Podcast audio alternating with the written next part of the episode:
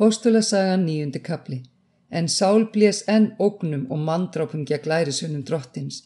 Gekk hann til aðsta pressins og beittist brefa af honum til samkundana í Damaskus. Aðamætti flytja í böndum til Jérúsalemi þá er hann kynnið að finna og væri þess vegar, hvort heldur karla eða konur. En þegar hann var á leiðsinni komin í námt við Damaskus, leiftraði skindilegum hann ljós af himni. Hann fjert til jarðar og heyrði rött segja við sig. Sál, Sál, hví ofsækir þú mig? En hann sagði, hver er þú, herra? Þá var svarað, ég er Jésu sem þú ofsækir, en statt upp og gakkin í borginna og þér mun verða sagt hvað þú átt að gjöra. Förunautar hann stóðu orðulöysir, þeir heyrðu að vísu raustina en sáu engan. Sál reys á fætur en þegar hann lauk upp augunum sá hann ekkert. Þeir leittan við hönd sér inn í Damaskus Þrjá daga var hann sjónlaus og átt kvorkinni drakk. Í Damaskus var lærisveit nokkur sem hétt Ananías. Við hann sagði drottin í sín. Ananías, hann svaraði, hér er ég drottin. Drottin sagði við hann, far þegar í stræti þar sem kallað er hitt beina og í húsi Júdasar skaltu spyrja eftir manni frá Tarsus sem heitir Sál. Hann er að byggja og hann hefur í sín séð mann, Ananías að nafni, koma inn og leggja hendur yfir sig til þess að hann fá sjón aftur. Ananía svaraði, drottin, heirt hef ég marga segja frá manni þessum hver mikið ílt hann hefur gjört hínum heilugu í Jérúsalem og hér fer hann með vald frá æðstu prestónum að færa í bönd alla þá sem ákalla nafn þitt.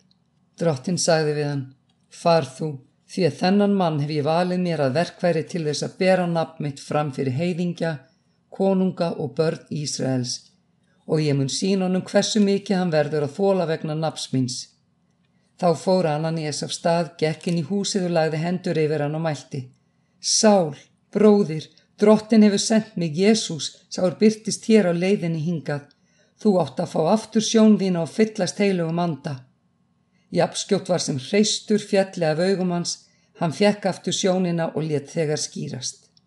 Síðan neytti hann matar og styrtist. Sál var nokkra daga hjá lærisvinnunum í Damaskus og tók þegar að pretika í samkunduhúsunum að Jésu veri svonur Guðus. Allir þeir sem heyrðu það undruðu stórum og sögðu Er þetta ekki maðurinn sem í Jérúsalem hugðist eigða þeim er ákvölluð þetta nafn? Kom hann ekki hinga til að fara með þá í böndum til aðstu prestana? En Sál eldist æg meir og gjörði þá gýðinga sem byggu í Damaskus rökþróta er hann sannaði að Jésu væri Kristur. Að allmörgum dögum liðnum réðu geðingar með sér að taka hann af lífi, en Sál fekk vitniskjum ráða gjör þeirra. Þeir gættu borgarliðana nótt og dag til að ná lífans, en lærisveinetni tók hann um nótt og komu honum út fyrir borgarmúrin með því að láta hann stíga ofan í körfu. Þá er hann kom til Jérúsalem, reyndi hann að samlega sig lærisveinunum, en þeir hrættust hann allir og trúði ekki að hann var í lærisvein. En Barnabas tók hann að sér, fór með hann til postulana, og skýrði þeim frá hvern hann hefði sétt drottin á veginum, hvað hann hefði sagt við hann og hversu einarðulega hann hefði talað í Jésu nafni í Damaskus. Dvaldist hann nú með þeim í Jérúsalem, gekk þar út og inn og talaði einarðulega í nafni drottins. Hann talaði og háði kappræður við grískumælandi gýðinga en þeir leitust við að ráðan af dögum. Þegar bræðirnir eru þess vísir fóru þeir með hann til Cesariu og senda hann áfram til Tarsus. Nú hafði kirkjan frið um alla jútiðu Galilegu Samaríu. Hún byggðust upp og gekk fram í óta drottins og ógs við styrkingu heilags anda. Svo bar við er Pétur var að ferðast um og vitja allra að hann kom og til hinn heilegu sem áttu heima í lítu. Þar fann hann mann okkur, Eneas að nafni, er í átta ár hafði leiði rúmfastur. Hann var lami. Pétur sagði við hann, Eneas, Jésu Kristur lækna þig, statt upp og bú um þig. Japskjótt stóðan upp.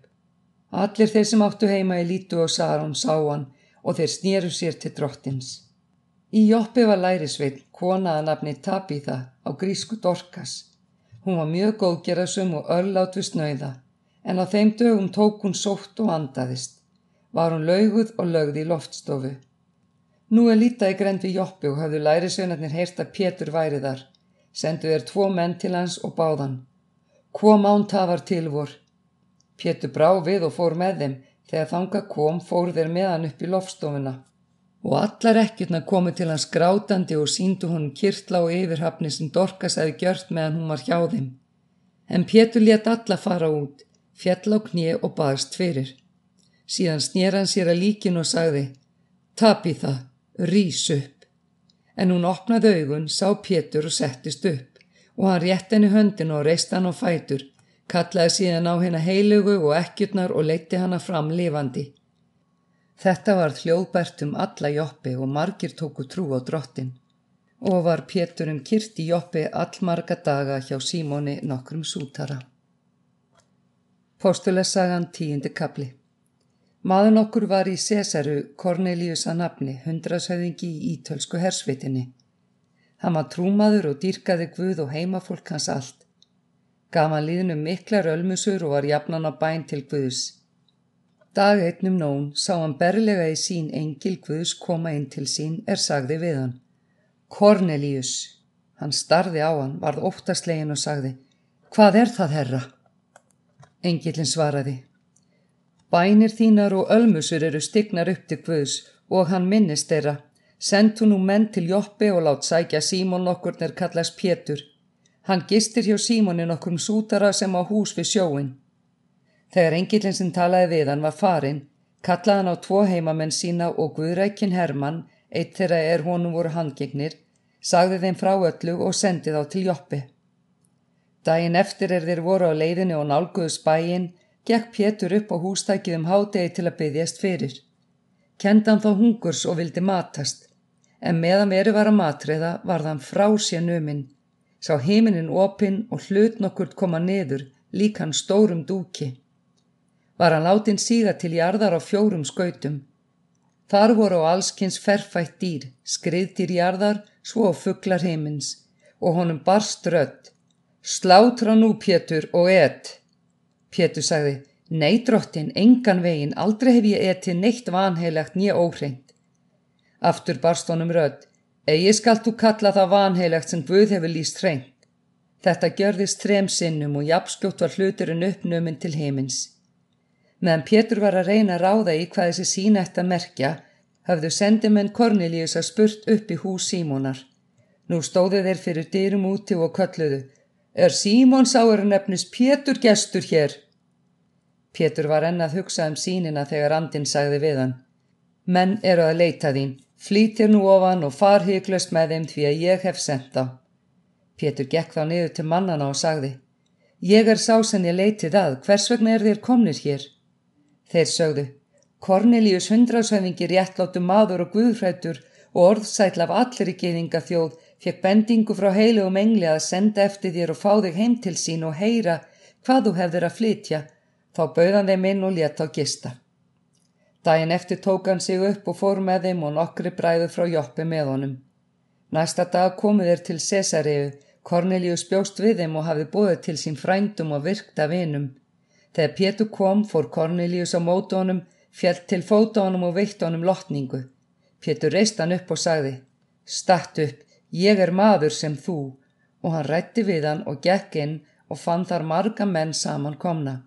Hann sagði við þá, þér vitið að gýðingi er bannað að eiga samneiti við annar að þjóða mann eða koma til hans, en Guð hefur sínt mér að ég á engan að kalla vanheilegan eða óhreinan, fyrir því kom ég mótmæla löst er eftir mér var sendt og nú spyr ég hvers vegna þið senduð eftir mér. Kornelíus mælti. Í þessa mund fyrir fjórun dögum var ég byggðast fyrir að nóni í húsi mínu. Þá stóð maður frammi fyrir mér í skínandi klæðum og mælti. Kornelíus, bæn þín er heyrð og Guð hefur minnst ölmusi gjörðaðinna.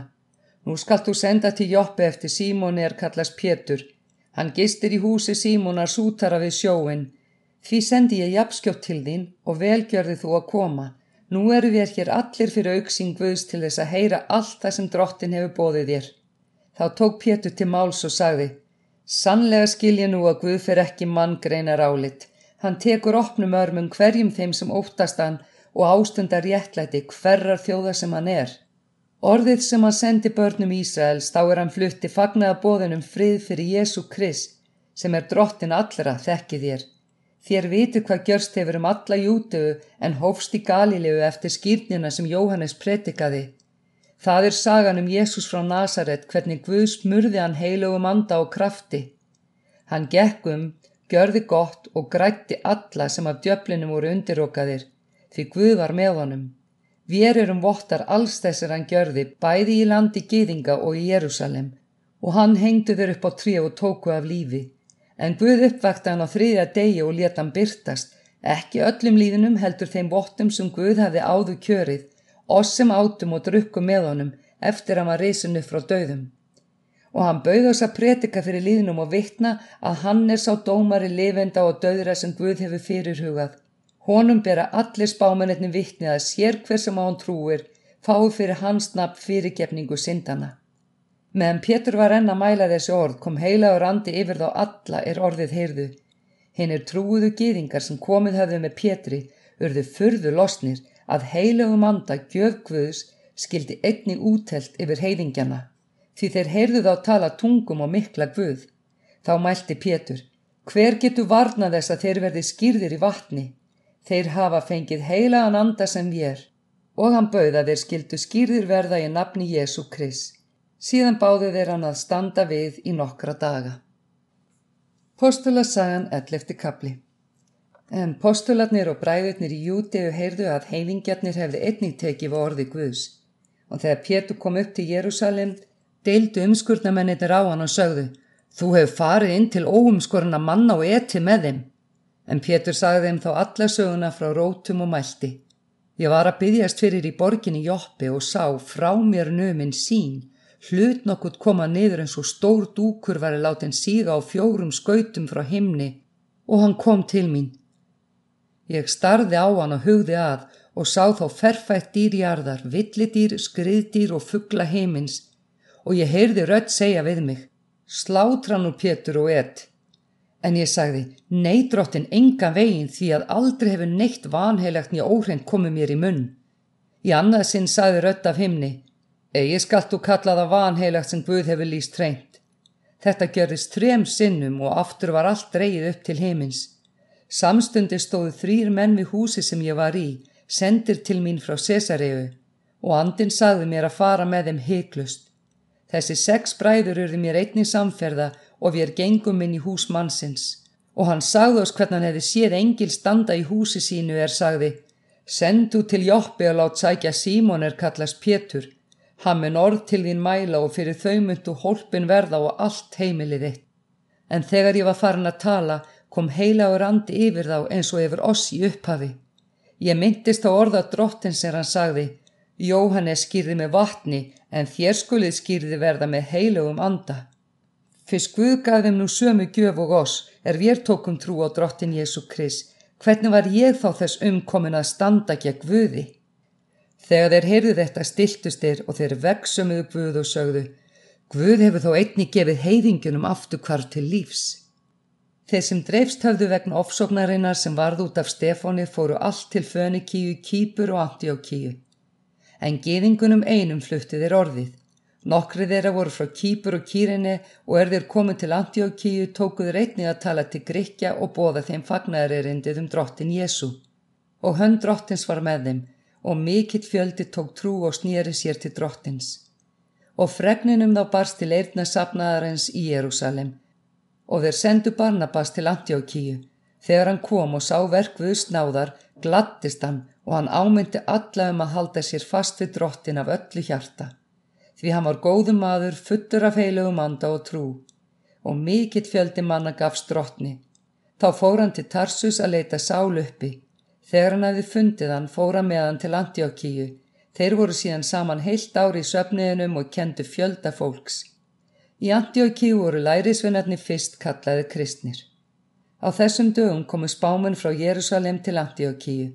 Eittir var Agabusa nafni, steg fram og af gift andans sagðan fyrir að mikil hungursneið myndi koma yfir alla heimsbyðina.